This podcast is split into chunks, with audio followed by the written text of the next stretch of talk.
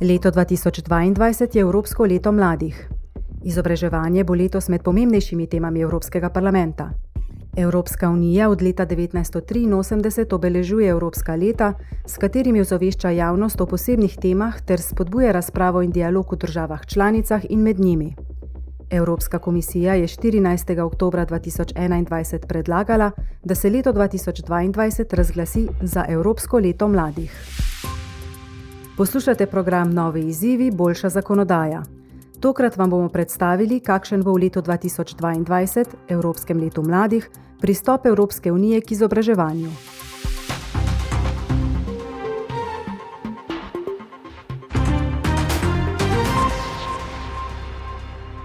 Namen Evropskega leta mladih je ukrepiti prizadevanja za podporo in sodelovanje z mladimi po koncu pandemije.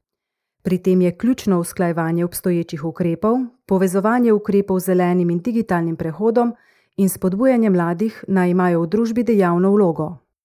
Ukrepi morajo temeljiti na dejavnostih mladih in njihovih zamislih za poživitev skupnega evropskega projekta. Med predlaganimi ukrepi so konference, dogodki in informacijske kampanje ter priložnosti za izmenjavo in zbiranje zamisli.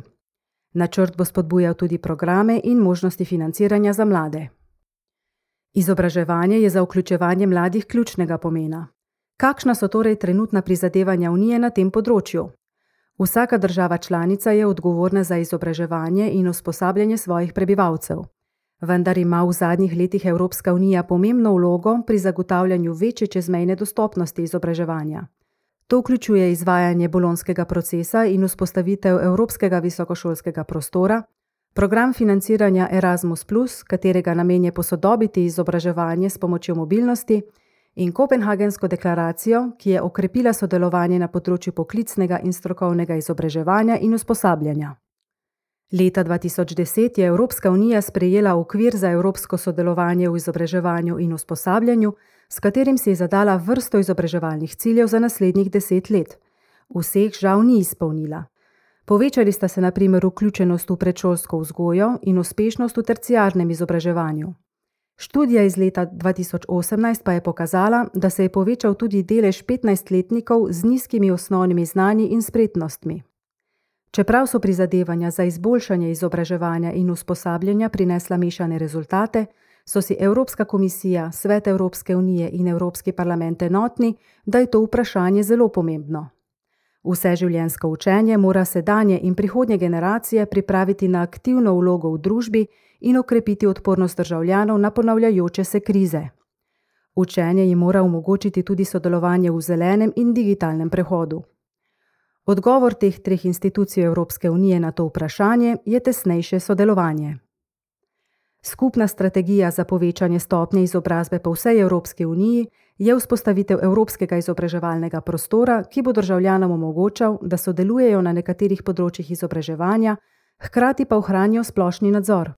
Evropski voditelji so zamisel o Evropskem izobraževalnem prostoru prvič podprli leta 2017 na socialnem vrhu v Jeteborgu.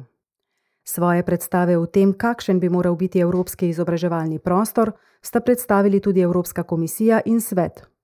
Izboljšati želita kakovost izobraževanja za mlade in sicer v okolju, ki bi že od zgodnega otroštva spodbujalo vključevanje in enakost spolov. S tesnejšim sodelovanjem v izobraževanju pa bi tudi odraslim zagotovili možnost vseživljenjskega učenja. Izobraževanje mora upoštevati tudi digitalni in zeleni prehod, da bodo današnji učenci opremljeni za spopadanje s temi izzivi v prihodnosti. Raziskava Evropskega parlamenta iz leta 2021 je pokazala, da je podoba Evrope kot izobraževalnega prostora že od druge svetovne vojne sestavni del procesa evropskega povezovanja.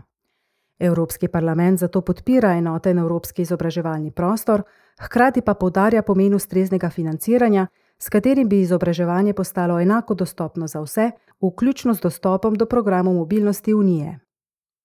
Glavna pobuda Unije za mobilnost je program Erasmus.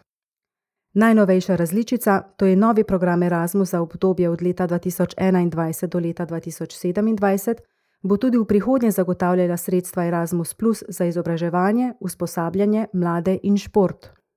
V letih 2014 do 2020 je s programom Erasmus Plus priložnost za mobilnost dobilo več kot 4 milijone ljudi, Sedanji program pa naj bi imel kar 12 milijonov udeležencev.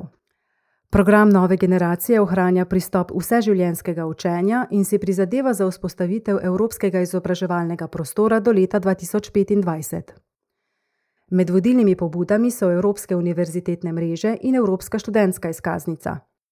Program se osredotoča tudi na vključevanje, postal pa naj bi tudi bolj enostaven za uporabo. Šport je zdaj ena glavnih sestavin programa, ki spodbuja digitalizacijo, podpira nova področja znanja in uvaja novo pobudo za mobilnost Discover EU. Evropska unija in njeni organi torej želijo izboljšati možnost učenja za prebivalce unije in sicer s stalnim posodabljanjem tekočih in uvajanjem novih projektov. Ključne pobude, kot je program Erasmus, morajo še naprej omogočati evropsko mobilnost, študente pa spodbujati k razmišljanju zunaj okvirov. Evropski izobraževalni prostor, ki naj bi ga vzpostavili do leta 2025, mora to zagotoviti in tako pomagati pri odpravi neenakosti in izobraževalnih vrzeli. Izboljševanje je stalen proces. Različni ukrepi se in se bodo tudi v prihodnje sprejemali na ravni Unije in posameznih držav članic. Razprave in zakonodaja na področju izobraževanja bodo zato še naprej med pomembnejšimi temami Evropskega parlamenta, še posebej v letu 2022, Evropskem letu mladih.